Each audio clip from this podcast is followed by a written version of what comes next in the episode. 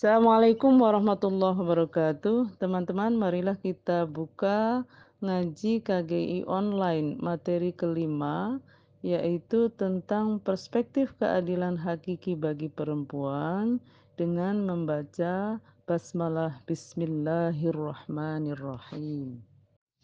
Sebelumnya saya mau minta maaf, mungkin ada beberapa kata yang uh, terdengar tidak biasa diucapkan uh, di umum, tetapi saya memutuskan untuk menyebutkan apa adanya karena konteksnya adalah belajar dan menghindari kesalahpahaman. Sebetulnya kalau kita belajar atau ngaji fikih, hal-hal seperti ini adalah sesuatu yang sangat biasa sekali. Sebelum bicara tentang perspektif keadilan hakiki bagi perempuan, kita mesti memahami dua jenis perbedaan antara laki-laki dan perempuan. Pertama adalah perbedaan biologis atau yang disebut jenis kelamin. Perbedaan ini akan melahirkan pengalaman biologis perempuan dan yang kedua adalah perbedaan sosial yang disebut dengan gender. Perbedaan ini yang akan melahirkan pengalaman uh, sosial perempuan. Perbedaan jenis kelamin adalah perbedaan biologis yang dibawa sejak lahir oleh laki-laki dan perempuan. Baik perbedaan itu terlihat karena berada di bagian tubuh yang luar maupun tidak terlihat karena menjadi bagian tubuh yang ada di dalam. Misalnya adalah laki-laki punya alat kelamin yang disebut dengan penis dan perempuan punya alat kelamin yang disebut vagina. Di dalam tubuh laki-laki misalnya ada kantong sperma, sementara di dalam tubuh perempuan ada indung telur. Perbedaan semacam ini adalah ditentukan oleh Allah, bersifat takdir, tidak bisa dipertukarkan, bersifat universal, artinya di mana pun laki-laki dan perempuan punya perbedaan biologis seperti ini dan bersifat tetap artinya adalah perbedaan antara laki-laki dan perempuan semacam ini sudah ada sejak dulu sampai sekarang dan insya Allah juga sampai nanti. Berbeda dengan jenis kelamin, gender atau perbedaan laki-laki dan perempuan secara sosial itu tidak dibawa sejak lahir. Misalnya perempuan rambutnya panjang, laki-laki rambutnya pendek. Perempuan pakai rok, laki-laki pakai celana panjang. Karena tidak dibawa sejak lahir, maka perbedaan ini punya sifat sebaliknya dari perbedaan jenis kelamin. Perbedaan sosial atau gender ini adalah e, ditentukan oleh manusia karenanya bersifat ikhtiari bisa dipertukarkan. Misalnya laki-laki berambut panjang, perempuan berambut pendek bersifat lokal misalnya uh, di Indonesia laki-laki tidak lazim pakai rok.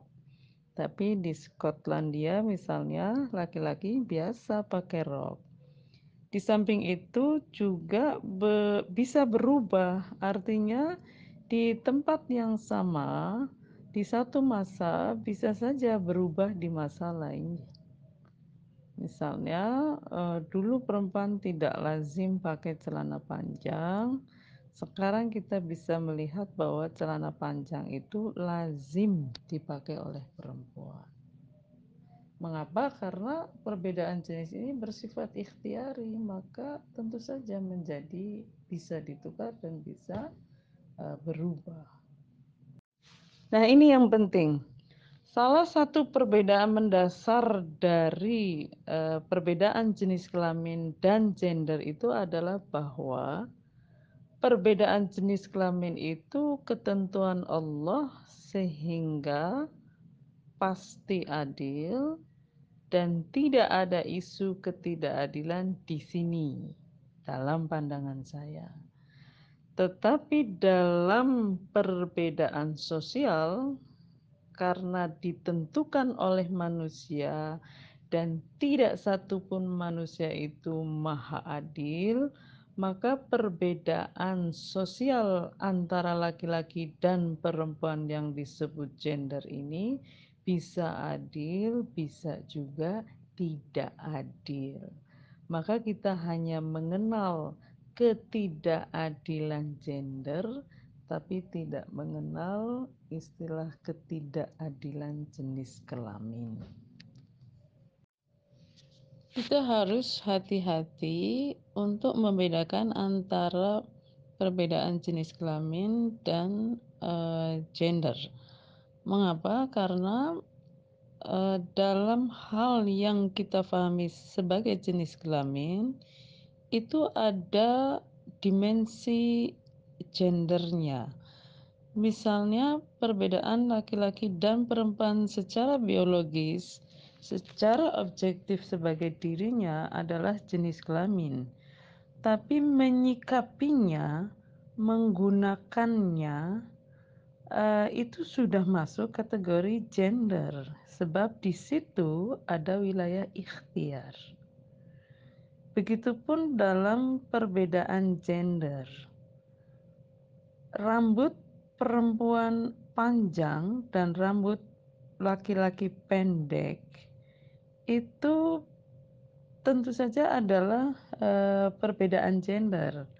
Tetapi dalam rambutnya itu sendiri secara objektif bahwa rambut itu memanjang memanjang ya, bukan dipotong dan dibiarkan panjang. Tapi bahwa rambut itu secara alami baik laki-laki maupun perempuan itu adalah memanjang, itu adalah takdir. Tapi memotongnya sampai pendek bahkan gundul e, buat laki-laki, sedangkan perempuan dipotong tapi dibiarkan panjang, ini adalah gender, sudah ikhtiar. Jadi kata kunci dari jenis kelamin itu adalah uh, dia uh, takdir, manusia hanya bisa menyikapinya, sedangkan sikap manusia itu adalah ikhtiar, sedangkan pada gender itu ada ikhtiar dan di dalam ikhtiar itu selalu ada ruang yang atau dimensi di mana itu adalah takdir. Nah, mari kita uh, perhatikan bahwa perbedaan biologis atau jenis kelamin uh, laki-laki dan perempuan uh, beserta implikasi panjangnya. Uh, perempuan punya organ biologis yang uh, berhubungan secara langsung atau tidak langsung dengan uh, sistem reproduksi manusia. Itu berbeda dengan laki-laki. Uh, Saya sebutkan saja ini mohon maaf ya. Laki-laki punya penis, sperma, dan kantong sperma di dalam tubuhnya. Perempuan uh, punya padanan semua unsur tadi, yaitu perempuan punya sebut saja vagina, istilah lebih tepatnya adalah vulva. Uh, vagina, indung telur, dan sel telur. Perempuan punya dua lagi nih yang laki-laki tidak punya dalam tubuhnya yaitu rahim, tidak ada padanan pada laki-laki, dan uh, hormon prolaktin. Ini adalah hormon yang dihasilkan oleh indung telur dan menyebabkan perempuan kemudian bisa memproduksi ASI. Jadi, organ biologis perempuan itu lebih banyak dalam konteks uh, sistem reproduksi Eh, da daripada laki-laki. Laki-laki ada tiga, perempuan ada lima. Karenanya kita akan melihat lagi nih perbedaan yang eee, signifikan yang menjadi dampak dari perbedaan organ biologis yang berhubungan secara langsung dan tidak langsung dengan sistem reproduksi keduanya. Apa itu? Yaitu pada fungsi reproduksi. Fungsi reproduksi laki-laki itu adalah, eee, mimpi basah dan hubungan seksual. Pada perempuan, itu jauh lebih kompleks daripada fungsi reproduksi tadi, eee, baik rep fungsi langsung dan tidak langsung ya, eee, sebut saja satu tentu saja hubungan seksual sama dengan laki-laki, yang kedua adalah menstruasi, kemudian, eee, hamil, melahirkan, nifas, lalu menyusui karenanya.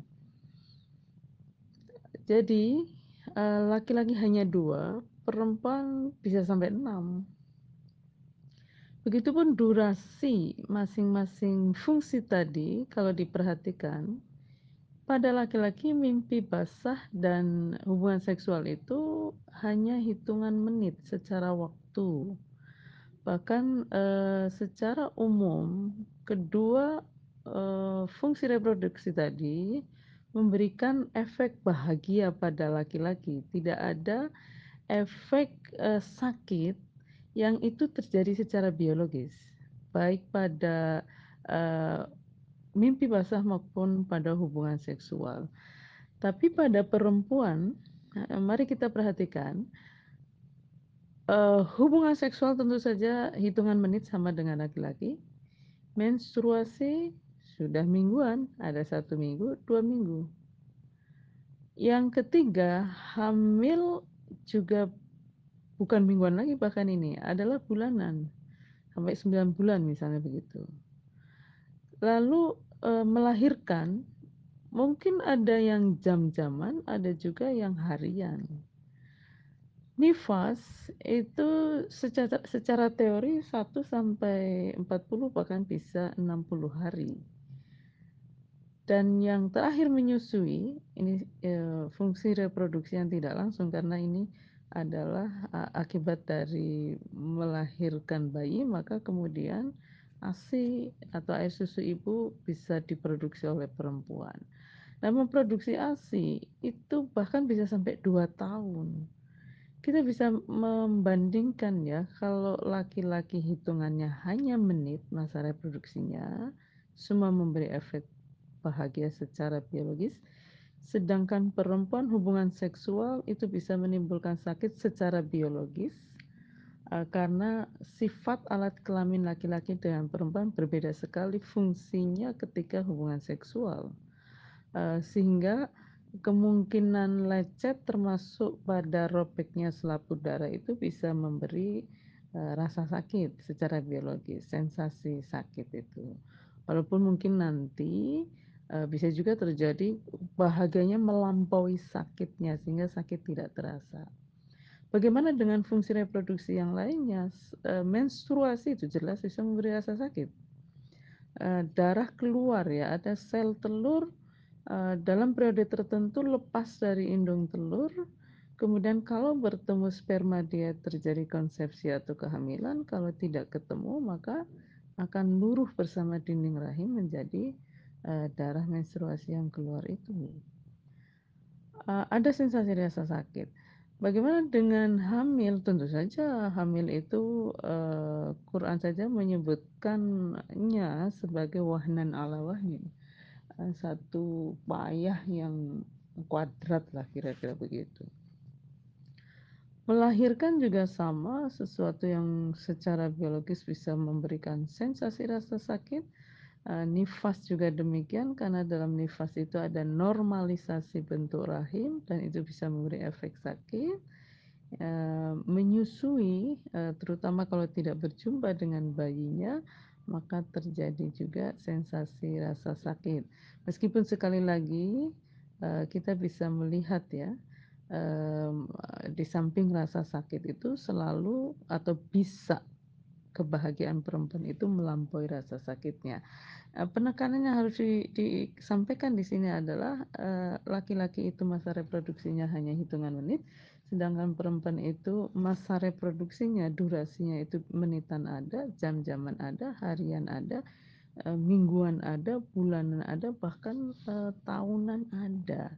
Dan semua itu bisa menimbulkan sensasi rasa sakit meskipun rasa bahagianya bisa melampaui rasa sakitnya.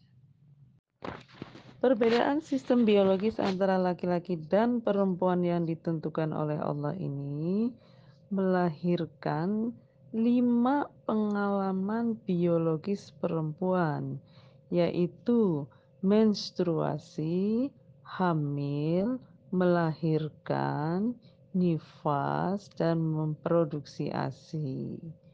Memang tidak setiap perempuan mengalami lima pengalaman biologis ini, tetapi lima pengalaman biologis ini hanya bisa dialami oleh perempuan.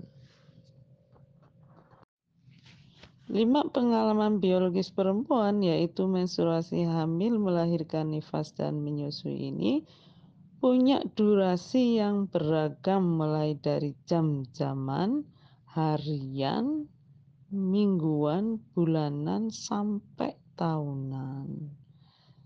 Dan semuanya disertai dengan sensasi sakit secara biologis. Maka dalam perspektif keadilan hakiki, sebuah keadilan itu hanya menjadi keadilan hakiki bagi perempuan, salah satunya adalah jika dalam perumusan keadilan itu mengintegrasikan atau mempertimbangkan pengalaman biologis perempuan yang lima ini agar sebisa mungkin rasa sakitnya dikurangi minimal tidak bertambah. Bisakah kita membayangkan keadilan dengan cara mengabaikan lima pengalaman biologis perempuan ini. Kebijakan negara yang mengabaikan pengalaman biologis perempuan ini. Kearifan sosial yang mengabaikan lima pengalaman biologis ini. Bahkan kemaslahatan agama yang mengabaikan lima pengalaman biologis ini. Sekali lagi, bahwa perempuan bisa mengalami lima pengalaman biologis ini karena sistem yang ditakdirkan oleh Allah.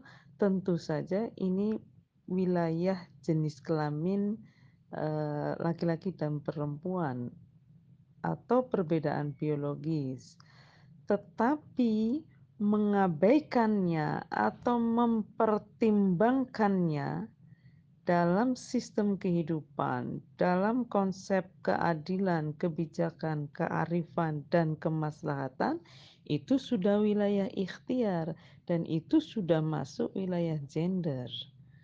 Maka tentu saja mempertimbangkannya dengan mengabaikannya itu bisa melahirkan atau menentukan apakah sesuatu itu adil gender atau tidak. Mengapa? Karena ini sudah masuk wilayah ikhtiar. Perbedaan pengalaman perempuan lainnya yang juga sangat penting untuk dipertimbangkan dalam konsep keadilan, kemaslahatan, kebijakan, dan kearifan hakiki bagi perempuan adalah pengalaman sosial perempuan. Apa itu? Mari kita kenali mengapa laki-laki dan perempuan diperlakukan secara berbeda secara sosial yang kita kenali sebagai perbedaan gender. Berbeda dengan perbedaan jenis kelamin atau perbedaan biologis yang ditentukan oleh Allah, perbedaan laki-laki dan perempuan secara sosial atau kita sebut gender ditentukan oleh manusia. Lalu faktor apakah yang menyebabkan perbedaan sikap atas perempuan dan laki-laki ini? Salah satunya adalah karena sistem patriarki. Perbedaan antara laki-laki dan perempuan yang kedua adalah perbedaan sosial atau gender. Berbeda dengan jenis kelamin yang ditentukan oleh Allah, perbedaan sosial atau gender ini ditentukan oleh manusia. Karenanya ada yang bersifat adil dan ada yang tidak adil ada beberapa faktor yang menentukan laki-laki dan perempuan diperlakukan secara berbeda. Uh, bisa karena faktor geografis, mungkin perlakuan laki-laki dan perempuan oleh masyarakat di daerah pegunungan dengan di pantai bisa saja berbeda. Tetapi yang paling menentukan adalah faktor adanya sistem patriarki. Apa itu sistem patriarki? Adalah satu sistem sosial yang meletakkan laki-laki sebagai subjek tunggal kehidupan, eh, sehingga perempuan menjadi objek, atau eh, laki-laki sebagai subjek primer dalam kehidupan, sementara perempuan menjadi subjek sekunder. Patriarki dapat uh, dikategorikan menjadi uh, setidaknya dua ya menurut saya. Pertama adalah patriarki garis keras, di mana relasi antara laki-laki dan perempuan itu bisa digambarkan dengan garis vertikal. Garis lurus tegak lurus ke atas, laki-laki berada di posisi atas, sementara perempuan di posisi bawah. Dalam patriarki garis keras ini, eh, laki-laki menjadi subjek tunggal kehidupan baik dalam eh, keluarga, masyarakat, negara maupun sistem sosial lainnya sehingga apa yang terbaik bagi kehidupan ditentukan secara sepihak oleh laki-laki dan perempuan karena dia adalah objek, maka perempuan hanya menjalankan atau tunduk pada kehendak laki-laki dan tidak punya pilihan lainnya. Patriarki kategori kedua adalah patriarki garis lebih lunak. Dalam uh, kategori kedua ini, jika digambarkan, maka relasi laki-laki dan perempuan itu seperti garis uh, lurus tetapi miring di mana laki-laki posisinya lebih tinggi daripada perempuan. Dalam uh, patriarki garis lunak, laki-laki menjadi subjek primer kehidupan dan perempuan menjadi subjek tapi subjek sekunder. Dalam uh, relasi seperti ini, maka perempuan ikut menentukan apa yang terbaik bagi kehidupan, baik keluarga, masyarakat, negara maupun lainnya. Tetapi eh, apa yang dikehendaki oleh perempuan hanya mungkin terjadi diterima apabila laki-laki merestuinya. Artinya adalah eh, keputusan akhir tetap ada pada Eh, laki-laki, di mana perempuan uh, kalau di sini sudah menjadi subjek, tapi tetap saja subjek yang uh, mesti tunduk kepada laki-laki. Secara sosial, laki-laki dan perempuan bisa berelasi tidak seperti yang ada dalam sistem patriarki. Bagaimana caranya? Adalah dengan mendudukkan laki-laki dan perempuan secara setara. Kalau digambarkan dalam sebuah garis, maka garisnya adalah garis lurus secara horizontal atau mendatar. Dalam relasi setara ini, laki-laki dan perempuan itu sama-sama subjek penuh kehidupan maka apa yang terbaik bagi kehidupan bersama, baik dalam keluarga, masyarakat, negara maupun sistem sosial lainnya, ditentukan secara bersama-sama oleh laki-laki dan perempuan dan diputuskan juga secara bersama-sama. Laki-laki dan perempuan dalam sistem yang setara ini sama-sama dipertimbangkan uh, kondisi keduanya yang berbeda sehingga eh, laki-laki tidak menjadi standar bagi kemaslahatan atau keadilan perempuan. Begitu juga perempuan tidak menjadi standar bagi keadilan uh, ataupun kemaslahatan laki-laki. Dua-duanya sama-sama dipertimbangkan, dimusyawarahkan, kemudian diputuskan secara bersama-sama. Dalam patriarki baik garis keras maupun garis lunak, perempuan sangat rentan untuk mengalami ketidakadilan hanya karena menjadi perempuan. Jadi perempuan diperlakukan secara tidak adil, disalahkan misalnya hanya karena menjadi perempuan, bukan karena melakukan satu kesalahan. Inilah yang disebut dengan ketidakadilan gender. Tandanya apa? Tandanya adalah kalau saja dia laki-laki, dia tidak akan mengalami ini. Ketidakadilan gender ada lima macam. Pertama adalah stigmatisasi atau prasangka buruk pada perempuan. Jadi, perempuan itu dipandang sebagai makhluk yang buruk, sehingga ketika dia tidak melakukan kesalahan, dianggap sebagai pihak yang bersalah. Contohnya adalah perempuan dengan status janda. Ada stigma di masyarakat bahwa janda itu penggoda suami orang. Maka perempuan dengan status janda rentan untuk dianggap sebagai pihak yang menggoda suami orang meskipun dia berada dalam posisi tidak mengganggu bahkan diganggu dan dia merasa terganggu. Artinya janda bisa berada dalam posisi yang sangat tidak mau diganggu oleh suami orang, tetapi ketika diganggu, justru dia yang disalahkan oleh orang. Ini adalah contoh ketidakadilan gender yang muncul karena stigmatisasi. Andai dia menjadi duda, maka pandangan negatif ini tidak muncul.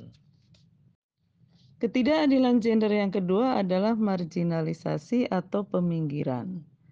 Marginalisasi bisa dalam bentuk aktif, perempuan sudah di tengah lalu dipinggirkan, atau pasif, perempuan di pinggir dan tidak diajak ke tengah.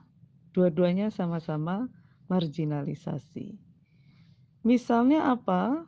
Misalnya perempuan tidak diajak dalam satu keputusan yang sangat penting dan berakibat kepada kehidupannya.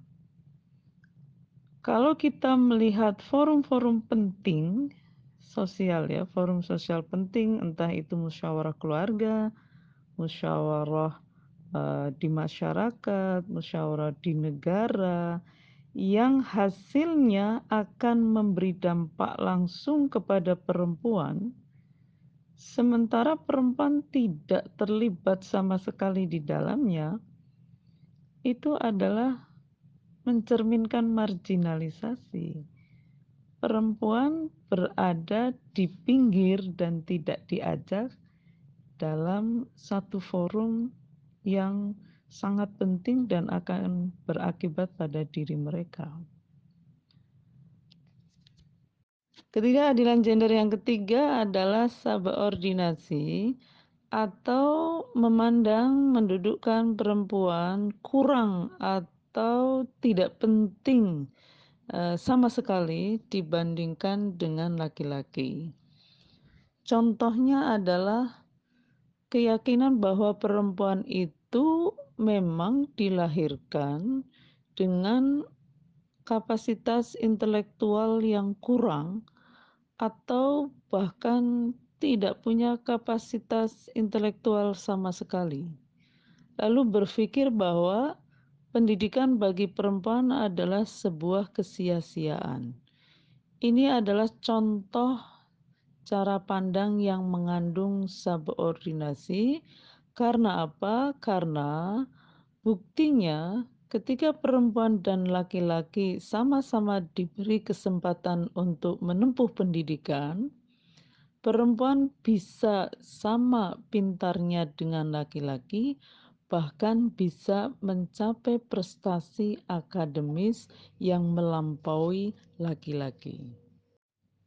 Ketidakadilan gender yang keempat adalah kekerasan.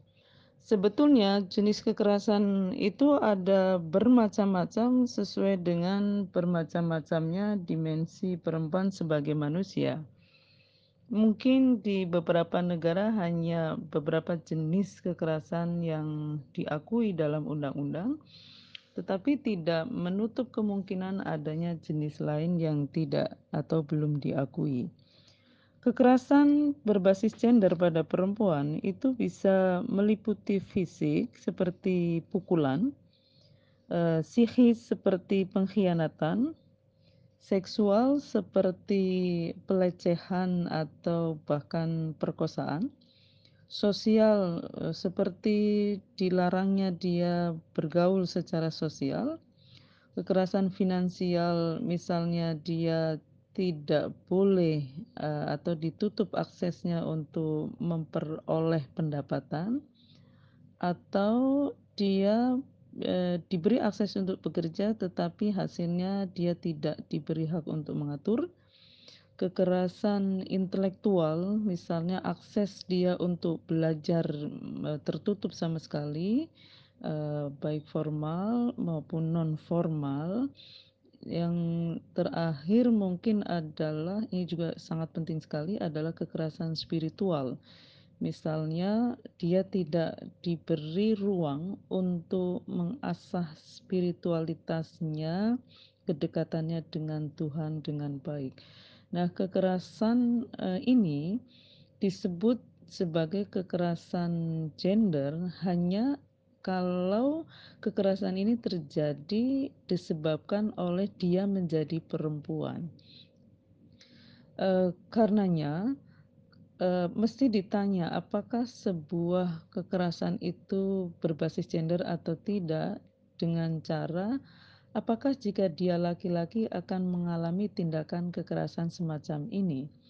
Jika jawabannya adalah tidak, maka ini adalah uh, kekerasan berbasis gender atau uh, kekerasan gender yang menjadi bagian dari ketidakadilan gender. Laki-laki mungkin juga akan mengalami uh, kekerasan, tetapi sangat jarang sekali laki-laki mengalami tindakan kekerasan hanya karena menjadi laki-laki.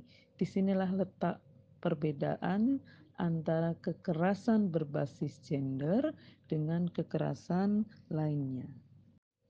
Ketidakadilan gender yang kelima atau terakhir adalah Eh, beban ganda atau double burden. Beban ganda ini terjadi karena ada pembagian ruang di mana ruang domestik atau rumah difahami sebagai ruangnya perempuan, sedangkan di luar rumah atau publik adalah ruangnya laki-laki. Maka ketika perempuan masuk ke ruang publik, misalnya karena belajar atau bekerja, maka perempuan dianggap tetap punya kewajiban domestik, sehingga mereka punya uh, kewajiban ganda, yaitu kewajiban domestik dan kewajiban publik. Bentuknya di masing-masing uh, kewajiban atau beban ini bisa bermacam-macam. Sebaliknya, kalau laki-laki masuk ke ruang domestik karena tidak bekerja misalnya, lalu dia berpikir bahwa urusan domestik atau rumah tangga adalah urusan perempuan, maka beban dia menjadi nol. Di publik tidak ada karena tidak bekerja, di domestik juga tidak ada karena berpikir bahwa itu adalah urusan istri. Bisakah perempuan aktif di ruang publik tapi tidak mengalami beban ganda? Jawabnya adalah bisa. Gimana caranya? Caranya adalah kalau laki-laki uh, memahami bahwa kewajiban domestik itu juga adalah kewajiban bersama. Jadi laki-laki dan perempuan kerjasama di wilayah domestik juga kerjasama di wilayah publik. Maka perempuan tidak akan mengalami beban ganda. Cara yang kedua adalah laki-laki dan perempuan, misalnya sebagai suami istri, memandatkan pihak ketiga untuk menjalankan kewajiban rumah tangga. Maka perempuan juga kemudian tidak mengalami beban ganda. Laki-laki dan perempuan sama-sama aktif di ruang publik, sementara urusan domestik dimandatkan pada pihak yang ketiga. Kelima ketidakadilan gender ini yang saya sebut sebagai pengalaman sosial perempuan. Ini juga sangat penting untuk dipertimbangkan dalam rumusan tentang keadilan, kemaslahatan, kebijakan, maupun kearifan. Disebut sebagai keadilan hakiki itu hanya kalau uh, rumusan keadilannya tidak menyebabkan perempuan mengalami salah satu atau lebih dari ketidakadilan gender. Kalau sesuatu disebut sebagai keadilan, tetapi di dalamnya masih memungkinkan, bahkan mengandung salah satu ketidakadilan gender, maka ini bukan keadilan hakiki bagi perempuan. Jadi keadilan hakiki bagi perempuan adalah keadilan yang mempertimbangkan lima pengalaman biologis perempuan yaitu menstruasi, hamil, melahirkan, nifas, menyusui, agar rasa sakitnya itu tidak bertambah, bahkan kalau bisa dikurangi dan mempertimbangkan juga pengalaman sosial perempuan yang juga lima, yaitu stigmatisasi, marginalisasi, subordinasi, kekerasan, dan beban ganda untuk tidak terjadi sama sekali. Kalau ada keadilan yang mengabaikan pengalaman biologis perempuan, salah satu atau lebih, dan mengabaikan pengalaman sosial perempuan satu atau lebih, maka ini bukan keadilan hakiki bagi perempuan, tetapi kita bisa menyebutnya sebagai keadilan yang legal, keadilan yang formal, keadilan yang tekstual, dan lainnya, tetapi bukan keadilan hakiki. Pengalaman perempuan secara biologis memang hanya dialami oleh perempuan, dan secara sosial pada umumnya hanya perempuan yang mengalami.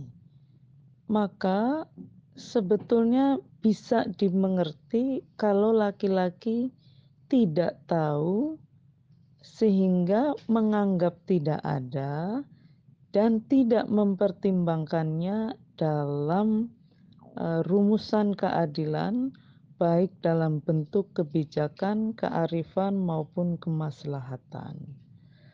Tugas kita sebagai perempuan adalah membuat pengalaman biologis dan sosial ini diketahui bersama. Maka memang kita mesti membangun satu tradisi di mana menceritakan pengalaman perempuan tentang menstruasi, hamil, melahirkan, nifas dan menyusui itu sebagai sesuatu yang uh, wajar gitu. Diceritakan bukan sesuatu yang tabu supaya diketahui bersama sehingga dipertimbangkan karena dianggap ada.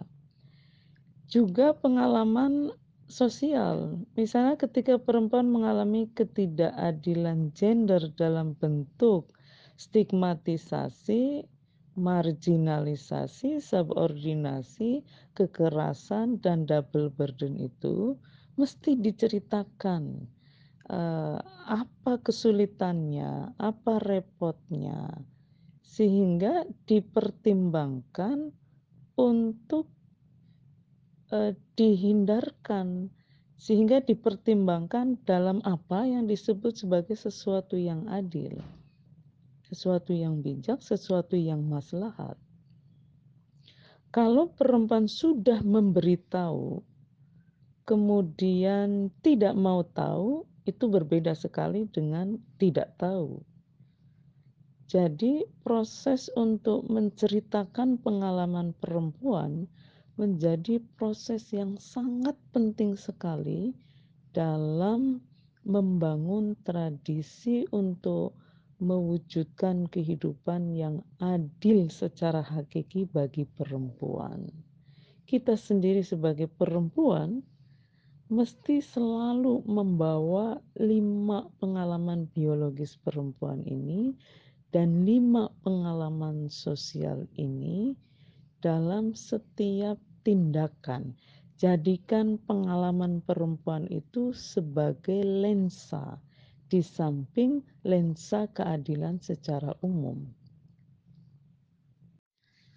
Jadi, dalam menggunakan perspektif keadilan hakiki bagi perempuan, ada tiga pertanyaan penting Pertama adalah pertanyaan umum, apakah sesuatu yang adil, bijak, arif, dan maslahat itu juga adil, bijak, arif, dan maslahat buat perempuan? Untuk menjawab pertanyaan ini, cukup menggunakan analisis gender secara umum. Pertanyaan kedua adalah, apakah dalam sesuatu yang disebut adil, bijak, arif, dan maslahat itu sudah mempertimbangkan apa belum agar rasa sakit yang dialami oleh perempuan ketika menstruasi, hamil, melahirkan, nifas, menyusui, berkurang atau minimal tidak bertambah. Jika belum, maka pasti bukan adil, bijak, arif, atau maslahat secara hakiki.